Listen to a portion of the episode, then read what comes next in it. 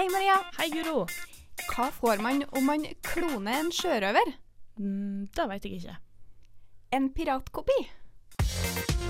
Du hører på Ordskiftet, et språkprogram på studentradioen i Bergen. I Bergen. Hei og velkommen til en ny sesong med Ordskifte på Studentradioen i Bergen. Jeg heter Maria Gunnarsdottir Svedal, og med meg i studio har jeg Guro Vågan. og Ole Råde. Og i dag så har vi mye spennende klart for dere. Og aller først så skal vi fortelle dere litt om hva vi har gjort i sommer. Det har jo vært sommerferie, Ole og Guro. Er det noen som har opplevd noe kjekt? Ja, jeg har vært på ferie i USA. Og du da, Ole? Jeg har vært på ferie hjemme i Vestfold, så det har egentlig vært litt deilig. Det har vært så fint vær, så da kunne jeg helst vært og dratt noe sted, egentlig. Nei. Men det jeg egentlig lurer på, er jo ikke om de har vært på tur, men om de har gjort dere noen språklige observasjoner i sommer.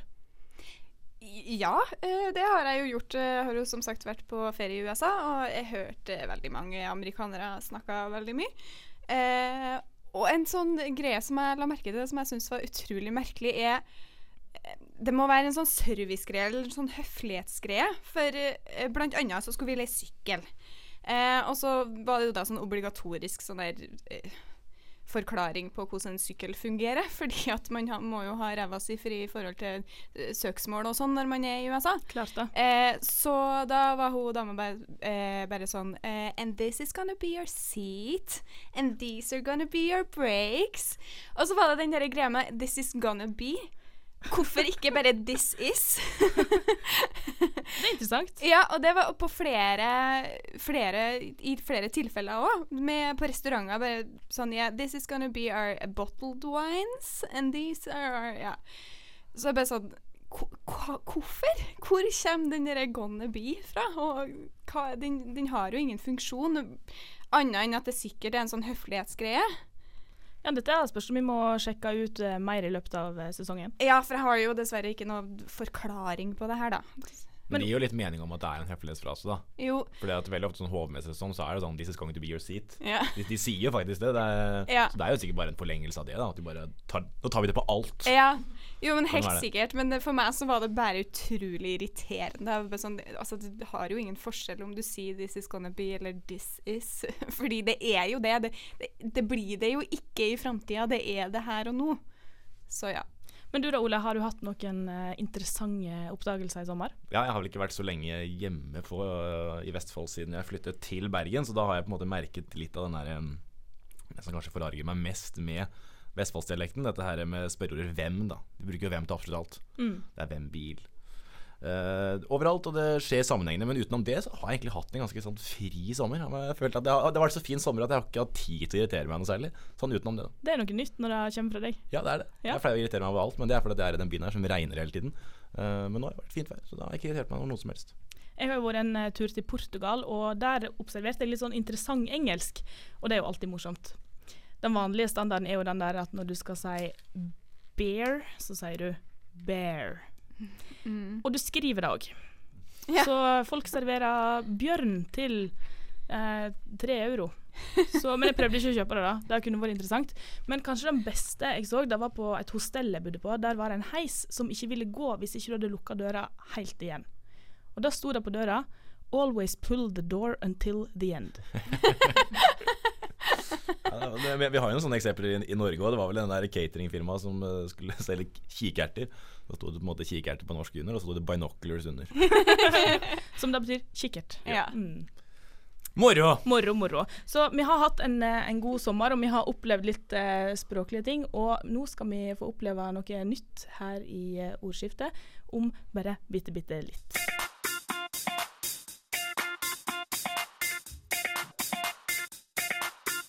Nå har det skjedd noe ganske kjekt her i ordskiftet, fordi vi har nemlig fått et nytt medlem. Velkommen til oss, Ingrid Årdal. Takk for det. Ingrid, hvem er du, hvor kommer du fra, hvor gammel er du? Nei, eh, jeg er jo Ingrid, da. Og så kommer jeg fra Gjelstad, Sogn og Fjordane. Verdens vakreste kommune. Har vært i Bergen i to år. Studerer nordisk språk og litteratur på tredje året. Og jeg er snart 22 år gammel. Og du har da litt interesse for språk, skjønner vi ut ifra ditt studievalg. Ja. Og hvorfor er det du ville være med i eh, ordskiftet, egentlig? Nei, jeg har jo hørt litt på dere, da. Og så er det nå snakka med Ole, studerer i lag. Vi går jo i klasse i lag. Klasse på hele fem stykk, kanskje. Eh, velkommen, til, velkommen til nordisk. Ja. ja. Så det virker veldig forlokkende. Ja, men så bra å høre. Eh, jeg lurer òg på om det er noe spesielt innenfor språk som du er spesielt interessert i?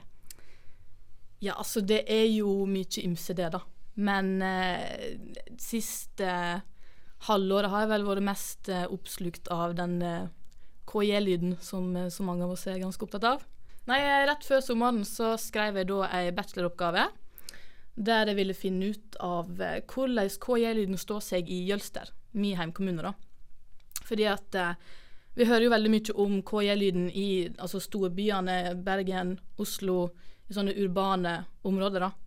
Så jeg tenkte det kunne jo vært interessant å undersøke litt mer sånne rurale distriktområder. For det er jo noe vi ikke hører så altfor mye om. Og så eh, gjorde jeg da en undersøkelse på Vassenden. Vi har liksom to sentrum da i Jølster. Det er Skei og det er Vassenden. Så tok jeg Vassenden, for det er nærmest Førde. Så Førde brukte jeg da som en referansegruppe. Så intervjua jeg da tiendeklassinger, 12-13 stykker fra hver skole. Og så stilte jeg litt spørsmål, hørte på taleopptak. Og så ble jeg litt stressa da, når jeg skulle intervjue dem, fordi at jeg tenkte herregud, tenk om alle bare bruker KJ-lyden sånn som man skal bruke KJ-lyden. Da er jo oppgaven min kjempeflat. Og så, Jeg kan jo presisere òg, da, kanskje at eh, vi har afrikat i framlyd, som altså kjøtt og kylling framfor palatal kjøtt og kylling. Mm, det er kanskje litt eh, viktig å få fram. Ja, ja, for det var faktisk på veiledninga, så var det en liten eh, misforståelse der. Ja. Jeg hadde da fire grupper. Der er eh, guttegruppe i Jølster, jentegruppe i Jølster, og det samme i Førde. da. Og så eh, er jo ja, prosentandelen på realisert eh, sj for ch var jo ja, på 97% eller noe i Førde. Wow. Og den var faktisk på 90 Jeg tror det var 96, om jeg husker sånn cirka. Så i Jølster. Oi. Så jeg fikk jo helt hakeslepp jeg, når jeg skulle intervjue alle sammen, fordi at eh, det var jo nesten ingen som brukte den afrikaten. Så tenkte jeg ok, kanskje guttene liksom holder litt mer fast på den tradisjonelle KJ-lyden vår, da. Og det gjorde det, ja, 50 av de òg hadde liksom den vanlige KJ-lyden vår. Men syns du det var litt overraskende Ja. tall? Ja, det var det. For jeg, altså, jeg var jo Jeg valgte jo den undersøkinga fordi at jeg hadde en anelse om at Ja, et inntrykk av at flere og flere bruker sj-lyden. Men eh, jeg var ganske overraska at det var bare én person totalt sett som brukte konsekvent afrikat i framlyd. Så det er jo eh, Det var bra for oppgaven, men eh, bekymringsverdig for, eh, for Jølstramålet. Ja. Men for da blir jo mitt neste spørsmål hva- Veldig subjektivt. ja, ja, at denne her lyden, eller eh, SKJ og KJ-sammenfallet, hvis vi kan kalle det for det, Mm. em, det er jo veldig mange som har veldig sterke meninger om det. Og vi har jo tidligere i dette programmet hatt besøk av professorer som sier at dette må vi bare akseptere, dette er framtiden, sånn blir det. Men er du fortsatt en ivrig eh, person som kjemper mot det? Nei, det er ikke jeg. Eh, jeg var det når jeg begynte. Altså sånn, når jeg bare kom til dette studiet, så var det sånn Altså, jeg vil jo at folk skal snakke med den Altså kylling, kjøtt og Men det er jo bare smak og behag. Men er, nå er jeg egentlig helt innforstått med at altså, den lyden tror jeg òg dør ut, og det må være greit. Det er ikke noe Men, men syns du det er litt trist? det er litt trist. jeg skal ærlig innrømme det. Jeg syns det er litt trist, men uh, jeg forstår det jo. Og det er jo naturlig. Det er en naturlig språkendringsprosess. så det er men det er litt trist for uh, Jølstramålet, for at uh, vi er vel i Altså min generasjon, eller min, ja, mitt årskull og oppover, da. Der snakker jo de aller fleste bruker den opprinnelige KJ-lyden vår. Men uh, jeg tror egentlig at uh, vi er Jeg er sikkert blant de siste, på en måte, da, i Jølster, som sikkert kommer til å fortsette å bruke den. Tror jeg. Da kan man jo virkelig begynne å lure på hva det er som gjør at den, her, altså at den SC-lyden tar over. da. For det er en Mm. helt annen lyd som forsvinner enn på en måte den vi som regel snakker om, som er den Mm. ch-lyden. Ja, fordi at man har jo tenkt at når det er liksom ch og sj, så er det fordi at de, de er jo likere enn det ch og sj. Ja, er det er jo sant? ganske stor forskjell Ja, på dem. det er egentlig det. Så det er jo litt eh, Det er sikkert det er mange grunner vi kunne ha snakka om det, men eh, Kanskje Ja. du må forske mer, da. Men uansett, Ingrid, du eh, kommer tilbake til ordskiftet eh, allerede neste sending, og du skal være med oss masse i høst, og da gleder vi oss veldig, veldig til. Det gjør jeg òg. Så takk for at du kom i dag, og velkommen tilbake. Takk for det. Du hører på Ordskiftet, et språkprogram på studentradioen i Bergen. I Bergen. Guro, denne veka har du tatt tak i noe som de aller fleste bryr seg litt om. Ja, for jeg har jo vært eh, i Namsos eh, i sommer, der jeg kommer fra. Eh, og når jeg var der, så kom det opp et eh, litt eh, artig tema. For det heter jo i Namsos, men eh, den andre store byen i Nord-Trøndelag, der heter det på Steinkjer. Eh, trodde jeg i hvert fall, da. Eh, og så var det litt sånn diskusjon frem og tilbake, og så tenkte jeg nei, dette må jeg finne ut av. Så da tok jeg en sånn uoffisiell eh, undersøkelse på Facebook, der jeg sendte melding til alle mine fem Facebook-venner fra Steinkjer. Ser jo kanskje litt om hvor interessant folk fra Steinkjer er. Em, og fikk ganske interessante svar, altså. For eh, blant annet så var det sånn Det var to stykker eh, som svara hardt. Det heter på Steinkjer. Eh, og så var det en som svara Nei, altså, huset mitt er i Steinkjer, men hvis du ringer meg når jeg er i, i sentrum, så er jeg på Steinkjer. Eh, og så var det en som svara at nei, det er i, for det er en kommune, og du er i en kommune. Så det var, var veldig mye forskjellige svar. Det var ikke helt enige, Nei. de som kommer fra plassen. Eh, nei, ikke i det hele tatt. Nei, for det har jeg litt inntrykk av at folk som kommer fra en plass, de er veldig bestemt på at på min plass der er det i, eller der er det på. Det er ikke noe snakk om, men her var det litt usikkerhet, altså. Ja, det var det. Eh, og det, den usikkerheten tror jeg ganske mange føler på, men kanskje mer når de skal snakke om plasser som ikke er deres egen eh, heimplass. Uh, for jeg har jo hørt folk si 'på Namsos', og jeg blir bare sånn hva, hva er det du sier? Det stemmer jo ikke i det hele tatt. Uh, men det fins noen regler for det her, da. Eh, for i er vanligst. Eh, og det er altså byer, steder, bygder, fjell og landområder. Da er du som regel i den plassen. Mm. Eh, F.eks. i Bergen, i Oslo, i Namsos, i Finnmark, i Tyskland, I Sogndal. eh, i Sogndal. Men så finnes det noen unntak eh, på byer i Norge som sånn tradisjonelt har eh, på i stedet for i. Eh, og da er det liksom sånn to forskjellige forklaringer på det som jeg har funnet. Eh, det ene er det at de som har eh, navn med substantiv som man tradisjonelt bruker, eller som man til vanlig bruker på til, altså på et berg, eh, på et nes, på en haug, sånne ting. Eh, som eksempel eh, Kongsberg, det er på Kong Kongsberg, eller på Avaldsnes. Eh, men problemet der da, blir at det finnes unntak fra den regelen nå. Ikke sant? Ja. Eh, for eksempel eh, eh, så heter det på Oppdal. Du er jo ikke på en dal, du er i en dal. Ja, det er vanskelig å være på en dal. Ja. Det er fysisk vanskelig, tror jeg. Mm. Eh, på Røros, eh, som på en måte har samme substantivet som Namsos. Eh, og vi ser jo i Namsos. Eh, på Sortland. Du er definitivt i et land, og ikke på et land. Og så er du jo også i Bergen. Men du er jo på et berg. Altså, jeg har tidligere hatt inntrykk av at de reglene her har vært kompliserte, og at de har ikke jeg giddet å lært meg. At det bare tar sjansen, og så får folk heller rette på det. Og jeg tror kanskje jeg står ved det valget. Eh, og det, også den andre forklaringa er på en måte at de som tradisjonelt har hatt uh, Dem som tradisjonelt har brukt på, da, bruker det fortsatt. Det er jo veldig vanskelig å vite, men de har en forklaring på hvorfor det er sånn, da. Og det at uh, sånne bynavn har tidligere vært, går, tidligere vært gårdsnavn. Sånn, at- og, da, og da, du er jo på en gård, sant? Ja, Man kan jo se for seg eh, f.eks. på Laksevåg, da, at det tidligere var bare en gård. Nå er det en bydel, men det er litt samme prinsippet. Og da har det på en måte utvida seg til å bli eh, navnet på, på måte et større område enn bare gården. da. Og, da, og så har man eh, beholdt preposisjonen. Men hva tenker du, Ole? Er dette her noe du går og irriterer deg over?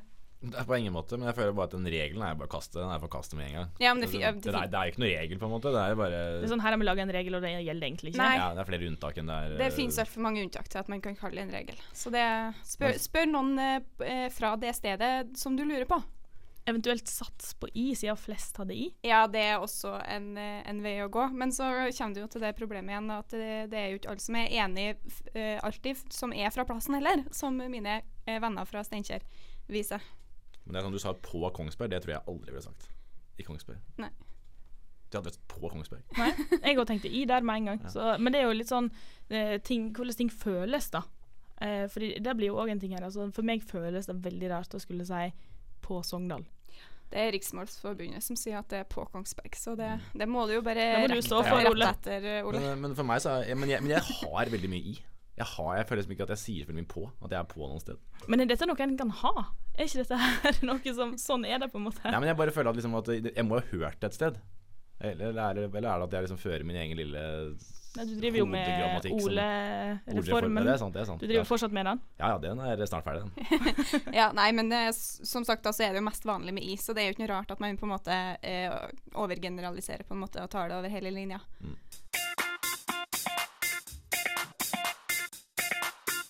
Nå har vi fått besøk her i eh, ordskiftet. Velkommen til deg, Rudi Endresen. Tusen takk for det. Rudi, kan du bare fortelle oss kort, hvem er du? Eh, jeg er da tidligere student her med Universitetet i Bergen, men akkurat nå jobber jeg som norsklærer på videregående skole. Og grunnen til at vi har invitert deg hit, er at eh, du fortalte meg at du hadde oppdaga noe som du syntes var spennende. Ja, noe som rett og slett satte hele mine engelskkunnskaper i tvil. For jeg har lenge hatt en fascinasjon for ord som f.eks. sixpence og smoking, altså klesplaggene, eh, som er ord som jeg kjenner godt på norsk, og som jeg tror er engelske, men som de ikke blir brukt i engelsksnakkende land. Altså sixpence for hatten, de, det finnes mange regionale navn for det, men det er en cap av et slag, en small cap. Uh, men smoking det er vel det som er tuxedo på engelsk. Uh, og jeg syns det er et veldig spennende fenomen. da. Uh, Og lenge lurt på om det er noe faglig bak dette her. Jeg snakket med en studiekompis som satte meg på et spor via det tyske ordet 'handy'. Så det er det de i Tyskland bruker for en mobiltelefon. Og som tyskere da tror at engelskmenn og amerikanere også bruker mobiltelefoner handy, men det er det jo ingen som gjør, det er bare tyskere. Eh, så via det så fant vi noen begrep, og så kunne vi da via Wikipedia finne ut at konseptet heter pseudoanglisisme. Ja, så det anglisisme det er jo da noe vi har henta fra engelsk, og pseudo betyr jo at det bare da er delvis henta, på et vis. Ja, det, altså dette er jo engelske ord det jeg snakker om nå, sixpence og smoking. Det er jo engelske ord som er henta inn, men vi bruker det ikke likt som de blir brukt på engelsk. Vi bruker det på et annet vis da. Uh, men dette er ord jeg kjente til fra før. Um, I likhet med andre ord som f.eks. flipper, for det som i engelsk kalte pinballspill. Men- det, det, det her er jo sånne ting som kanskje folk egentlig de kan disse ordene, og du vet at smoking ikke heter smoking på engelsk, men du har ikke reflektert over at ok, det her er faktisk eh, Det her er ei gruppe med ord, da. det er ikke bare sånne enkeltord. Ja, og det er tydeligvis et eller annet konsept eller fenomen i språket. da. Um, og via de Wikipedia-sidene så finner du oversikter over den type uh, ord i mange forskjellige språk. Og da fant jeg bl.a. noen på svensk og dansk, og det her uh, var dette som virkelig begynte å engasjere meg. da. For i lista over svenske pseudoanglisismer så sto det bl.a. et uttrykk som jeg har brukt hele livet. Jeg har jobbet i turisme, jeg har helt sikkert brukt det med turister. Eh, og som jeg måtte gå inn på engelske chatrooms på nettet for å bekrefte at ikke ble brukt i engelsktalende land. Og Det uttrykket er da 'fit for fight'. Jeg er fit for fight. Sier de ikke det i, i liksom England og Amerika? What? Nå ble jeg litt sjokkert. For det har jeg jo helt sikkert brukt. Ja, eh, jo, og det er den reaksjonen de fleste har. For de fleste tenker at 'fit for fight' det er jo Åpenbart engelsk. Ja, det er åpenbart engelsk. Det er et åpenbart et uttrykk som blir brukt. Det er jo en nokså klar definisjon at jeg er klar for dette her. Altså jeg er klar til kamp, bokstavelig talt, som vi sier på norsk. Ja, Jeg føler liksom jeg må se alle Rocky-filmene på nytt og bare sånn Hallo, er det i, sier de aldri Fit for fight i Rocky? What? Og hvis du da begynner å tenke på det, så er jo ikke 'fit for fight' engang grammatisk engelsk. Du kan si 'I'm fit for a fight', eller kanskje 'fit for fighting'. Men 'fit for fight' henger ikke Nei, sammen det, i seg det er et godt poeng. Mm. Men jeg tenkte da, det er jo andre uttrykk som heller ikke gjør. Uh, long time no see, no can do. Altså, uttrykk må ikke være grammatiske korrekte. Uh, men når du går inn og søker på nettet, så finner du mange sider Fit for fight blir brukt, så har fellesnevneren at de er skandinaviske. Det er stort sett uh, svenske, danske og norske kilder. Flere av de der de skriver på engelsk, men det er forfattere som er fra Skandinavia. Det er veldig interessant. Så det er, ikke bare, det, er ikke, det er ikke bare vi her i rommet som ikke har fått med oss at det ikke er engelsk, da. Heldigvis. Nei, og så vidt jeg kan se, så er det foreløpig ikke blitt gjort mye forskning på nettopp dette fenomenet, å hente ord feil inn i språket på et eller annet vis, Mm. eh, og bruke det helt feil. Altså, jeg las på ei, eh, ei annen side på nettet, der eh, var det litt eh, klage på at eh, ordet discount har blitt til butikk i eh, Tyskland og Polen. Og det er jo irriterende når det liksom Det er vel da eh, diskont, men at det kommer da engelskmenn og tror at nå er det tilbud, og så er det bare nei, det er bare butikk. Oh. Altså, så, sånne ting eh, kan jo skape litt artige situasjoner, da. Mhm. Ja, jo, det, det kan jo det. Nå er jo Fit for fight for eksempel, heldigvis lett nok til at vi kan forstå det, men andre ord som tidligere nevnt sixpence og smoking henger jo ikke konkret sammen med de opprinnelige ordene eller ordene som de bruker i engelsktalende land. Absolutt. Jeg, tenker, jeg leser òg et eksempel fra Italia, eh, som da er Montgomery, eller sikkert Montgomery, eller et eller annet sånt, da, som eh, da kan oversettes til det engelske duffelcoat. Og det er jo bygd på det navnet til noen. Ja. Navnet til en engelsktalende person som har sikkert hatt på seg en eller annen jakke. da. Men eh, okay, altså, hvordan er det disse ordene oppstår, da? Fins det noen fasit på det? Så vidt jeg kan se, så er det ikke blitt skrevet særlig mye om det. På norsk så finnes det en ordbok over anglisismer som finnes i norsk, der bl.a. Fit for fight og de andre jeg har nevnt er der, men det er sammen med alle andre låneord vi lånte inn. Altså for snacks og den type ting. Og da er det ikke gjort noe særlig vesen ut at de har en annen betydning på norsk eller enn de har på andre språk. Nei. Eh, masteroppgave, Maria? Mulig, mulig. Ja, Maria har jo studert både nordisk og engelsk, så det burde jo være virkelig oppe de gater. Ja, Guro, nå direkte oversatte jo du akkurat et uttrykk fra engelsk til norsk, og det er jo akkurat det fit for fight er. Men mm, hvor tror du det kommer fra? Det er vanskelig å si. Kan, hvis du søker på nettet i uh, Nasjonalbiblioteket og andre sånne kilder, Google Books, så finner du at det er blitt brukt eh, i store deler av 1900-tallet, tilbake i 1930-tallet, iallfall i Norge, og sikkert før det òg. og av og til litt i sånn sportsartikler. Eh, og vi har jo òg uttrykket 'klar til kamp' i Norge, som er altså direkte oversatt 'fit for fight'. Eller direkte litt feiloversatt 'fit for fight'. Så det kan jo være at det er en sammenheng der, at vi rett og slett begynte å bruke uttrykket på den, det viset der. Men siden dette er felles skandinavisk, så kan det jo være at det er en slags felles kilde vi har fått det fra. Ja, så at Vi har oversatt det på en måte, vi har det på vårt språk, og så har vi oversatt det til det engelske uttrykket som vi tror at vi har lånt. Ja, det kan være.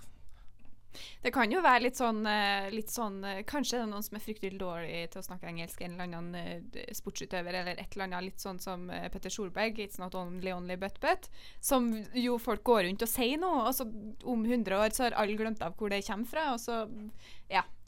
Ja, Altså, spørsmålet er om vi har blitt for gode i engelsk nå, sånn den generelle befolkningen har blitt for gode i engelsk til at vi kan lage flere sånne, eller om vi tror at det kan oppstå flere. Har du noen tanker om det, Guro? Åh, det var et vanskelig spørsmål. Jeg, egentlig så tror jeg det, at, uh, at vi nå fremover kommer til å være så gode i engelsk at det å på en måte finne på et uh, Altså en sånn ny pseudoanglisisme blir veldig merkelig, da. Hva tenker du, Rudi? Vi importerer jo ennå veldig mange engelske ord inn i språket. da. Og En annen mulig måte de kan oppstå på, er vel kanskje at hvis de har blitt importert på et tidspunkt, men så slutter de å bruke det i opphavslandet. Men så fortsetter vi bare å bruke det, for vi har ikke fått det med oss. Det, henger det er jo godt mulig. Og i tillegg så kan det jo òg skje at vi importerer et, eh, et eh, ord, og så glir Altså endrer betydninga seg i den ene retningen i det f.eks. i engelsk, og så endrer det seg i den andre retningen på norsk, og så plutselig så betyr det to helt forskjellige ting. Så det, det kan jo fortsatt oppstå pseudoanglisismer på den måten, da. Jeg tror at noen, kanskje meg, må se litt nærmere på eh, pseudoanglisismer i framtiden. Men tusen takk for at eh, du kom hit til oss, eh, Rudi Endresen, og delte dette her. Jo, bare hyggelig. Men altså, jeg klarer jo å skrive så folk forstår. Skrivelei, skrivelei, skrivelei, skrivelei. Men det finnes jo en beryktet bande der ute som alltid er på vakt 24-7. Språkpolitiet, vær så god. Hva kan jeg hjelpe deg med?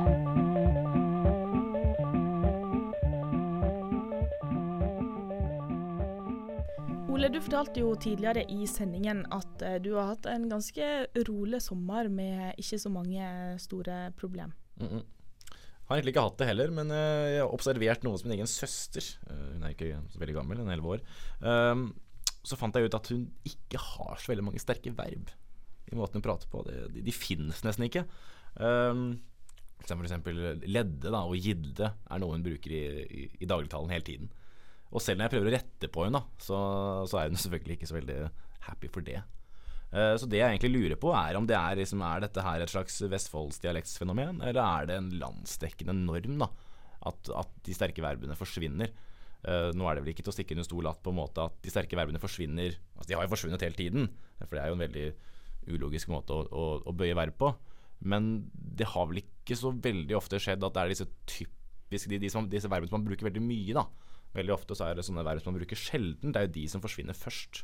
Jeg føler at jeg har hørt sånn type grammatikk hos små barn, men når du begynner å bli sånn 11-12 og fortsatt sier det, da er det noe som har festa seg. Ja, det er jo der man kaller det overgeneralisering når man eh, lærer språk. At uh, du bruker en formel som er ofte brukt, og så eh, gir, bruker du den på, på verb der det ikke gjelder. da. Ja, så du putter alt inn i samme system, da. Mm. Ja, så er jo den, Det er jo egentlig den interne grammatikken som fungerer. Altså, Ja, den, det absolutt. fungerer jo egentlig veldig bra. Uh, men så har man på en måte ikke bare lært uh, Enten så har man ikke lært det, eller så er man bare ikke klar over det selv. Uh, men jeg tenker på sånn at siden man liksom setter seg veldig, så veldig på bakbeina, så er det jo kanskje det at eh, For jeg ser liksom for meg Hadde de andre i klassen sagt annerledes, så det det vært lettere å rette på seg selv. da For da, da har du, du har liksom lyst til å passe inn, du er et barn og har lyst til å passe inn overalt. Um, Så det blir litt sånn OK, de andre sier gidde, så da sier jeg òg det. Ja, det blir jo sånn at da er det greit, da. Og det er jo sånn der ungdomsopprør. og det er, vel, det er vel egentlig mye av det som er kanskje opphavet til iallfall sånn at den, den KJ-lyden altså Det sammenfallet der skjøt så fart, da. Eh, På ja, 60-tallet, 60-70-tallet. Var en slags ungdomsopprør som på en måte bare har satt seg, da. For da blir jo den foreldregenerasjonen går jo ned på Men det er jo klart at når en får kjeft for noe, så frister det jo til å bare kjøre på. Ja, jeg jobba med ei som er 17 år i sommer, som eh, når vi snakka om KJ-lyden, så påsto hun hardnakka at hun brukte KJ. Eh, Det kunne jo da, da fortelle henne at det gjør hun ikke, for det hadde jo jeg da lagt merke til at hun ikke gjorde.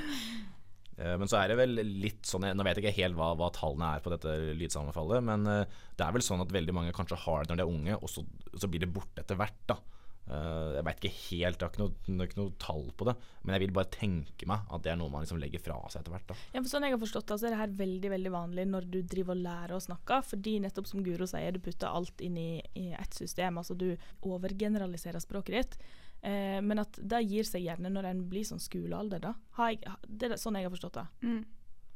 Ja, jeg jeg bare tenker sånn, Hvis man liksom setter seg så på bakbeina så tidlig men jeg, men, jeg, men jeg tror på en måte at det har noe med en slags sånn, sånn At det har blitt et sånn dialekt, dialektalt trekk. da Men så er jeg liksom litt usikker på om det er et dialektalt trekk, eller om det bare er liksom sånn så, Sånn blir det, da.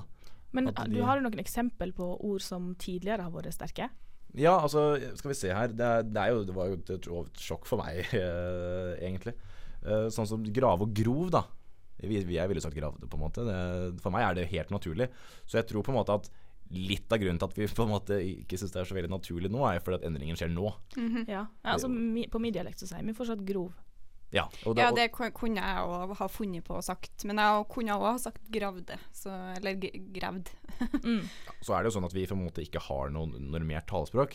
Så jeg tenker jo sånn Sånn som de sier at Det er veldig mye dialektale forskjeller her, og, og dialekter har jo sin eget grammatikksystem. Som, så, som nødvendigvis ikke har sterke eller svake verb der hvor eh, skriftspråket har det. Uh, men som vi har sett da med Nå går vi veldig mye parallelt med det her sammenfallet, det lydsammenfallet, KJ-lyden. Og det man ser der, er jo at det på en måte det, det lekker over i skriftspråket. Og, og det tror jeg vil skje. Altså, hvis du ber en ungdom nå om å skrive at han skjærte brød, så skjærte han det, han skar ikke det brødet. Eh, så, det, så det kommer til til, til å gå over i skriftspråket, selv om det er enerødt at du må skrive skar. Og det er vel kanskje det som er liksom den store, det store problemet for folk, da. At, at det påvirker skriftspråket. Fordi det er jo normert, og sånn skal det være. Og at når ting begynner å komme inn der, så blir det sånn Nei, nei, nei, nei, nei dette måtte vi ha stoppa før. Ja, Det tror jeg kanskje blir et større problem for eh, folk på Østlandet, der på en måte skriftspråket er ganske nært talemålet. Altså for eh, en trønder, da, eksempel, som på, på en måte må lære seg et nytt språk når man skal lære å skrive, eh, og vet at eh, de ordene man sier, ikke nødvendigvis skrives på, kan skrives, så, så tror jeg på en måte ikke det blir helt det samme. Det er nok et godt poeng. Ja, Det er faktisk et veldig godt poeng. For det er jo sånn at eh, for å si, Skriftspråket dikterer jo ikke hvordan du snakker, Nei. veldig ofte. Men veldig ofte så er det omvendt. At talespråket kan diktere hvordan du skriver. Jeg ser, det, det skjer mer den veien enn andre veien, da. Um, så um, Nei, det var egentlig et godt poeng. Og jeg, jeg, jeg, jeg ser nok for meg at vi bare må, må, må akseptere det. Men eh, jeg, jeg føler at hvis vi, ikke, hvis vi ikke informerer om det, så vil det jo på en måte aldri skje noe heller. Da Altså da vil man ikke vite det heller. Og, og da vil det bare den interne grammatikken bare ta helt over. da For dette, det er jo en grunn til at det er sånn. Altså, det ville jo blitt enklere å skrive. Ja, Ja. Men, eh, men om det er så veldig altså, At det er bare et østlandsk fenomen, det tror jeg nok ikke. For jeg kunne både sagt at jeg jeg gitt deg noe i går, og jeg skjærte noe i går. Eh, så det, er- det er jo apo apokopen hos meg da, som på en måte gjør at det høres annerledes ut. Men eh, det er jo det samme. For det kunne jeg jo både sagt uh, ga og skar. Det er ikke noe i veien for det. Altså, det finnes sikkert eksempel over hele landet. Det er jo interessant om noen vil se nærere på eh, sånn forskningsmessig. Mm. For Det kunne vært interessant å vite liksom, hvor langt har dette her kommet, og når kan vi forvente at alle unger snakker sånn. ja ja I hvert fall når vi, hvis hele, bare, hele klassen bare forsvinner. Altså, Ja. altså, altså hele klassen er så sterke av at de sier bare forsvinner. Da. Det, Det ikke finnes Jo, men det vil alltid være et eh, sterkt verb, og det vil være å være. ja, men- Fordi at det blir ikke svakt. Nei, men liksom litt av problemet er hvis du på en måte fjerner alle de andre, da. Eh, Så, så selvfølgelig så lenge ingen begynner med det. Men det er jo på en måte grunnen til at sterke verb er sterke verb. Det har en ganske sånn lang historisk kontekst. Altså Det er jo en grunn til at vi har sterke verb, um, tenker jeg da. Og, og dette er jo dette vokalvekslingsgreiene, og det var jo på en måte for å skille to ord. Og, det, og vi gjør vel egentlig det enda, i veldig mye. Ikke at jeg kom på noen akkurat nå, men, eh, men eh, nei, jeg, jeg tror nok at vi må si eh, hasta luego til, til sterke verb etter hvert. Altså. Tror du det? Jeg har tro på at de kommer til å stå seg ganske mye lenger. Hva tenker du, Guro? Jeg kan legge meg på en sånn mellomposisjon her og si at jo, jeg tror kanskje det blir veldig veldig mange færre, men helt tomt for dem blir det nok ikke. Men vi, vi, vi burde iallfall ikke bare godta det, for da går det veldig fort.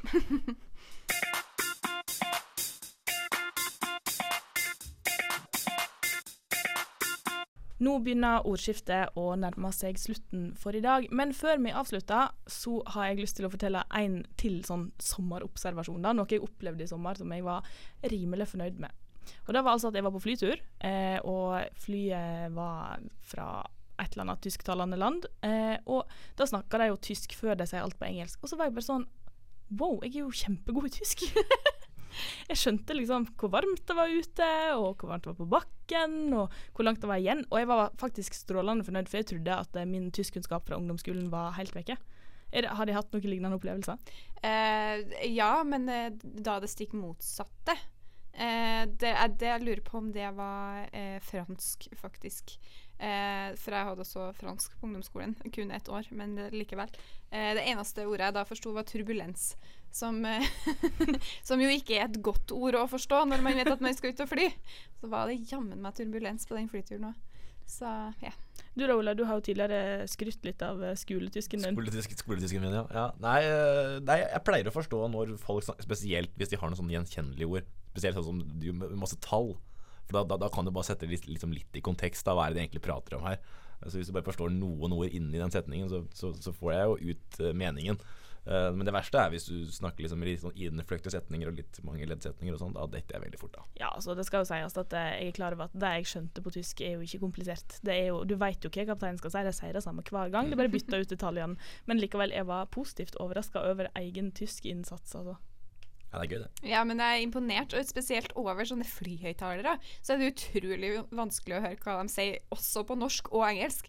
Så at du fikk noe ut av det i det hele tatt, det, det er imponerende. Det syns jeg du skal være stolt av. Tusen takk, fikk skryt litt av meg sjøl her nå. Men det jeg sånn noen sånne kapteiner er bedre på den andre. Har du merka det? At det sånn, Noen forstår liksom veldig godt hva de sier, da mens noen bare Jeg bare fatter ikke hva de sier. De mumler så mye. Ja. Men noen snakker sånn Radio Top Shop. Snakker som de var på noen sånne reklame, reklame, reklamegreier.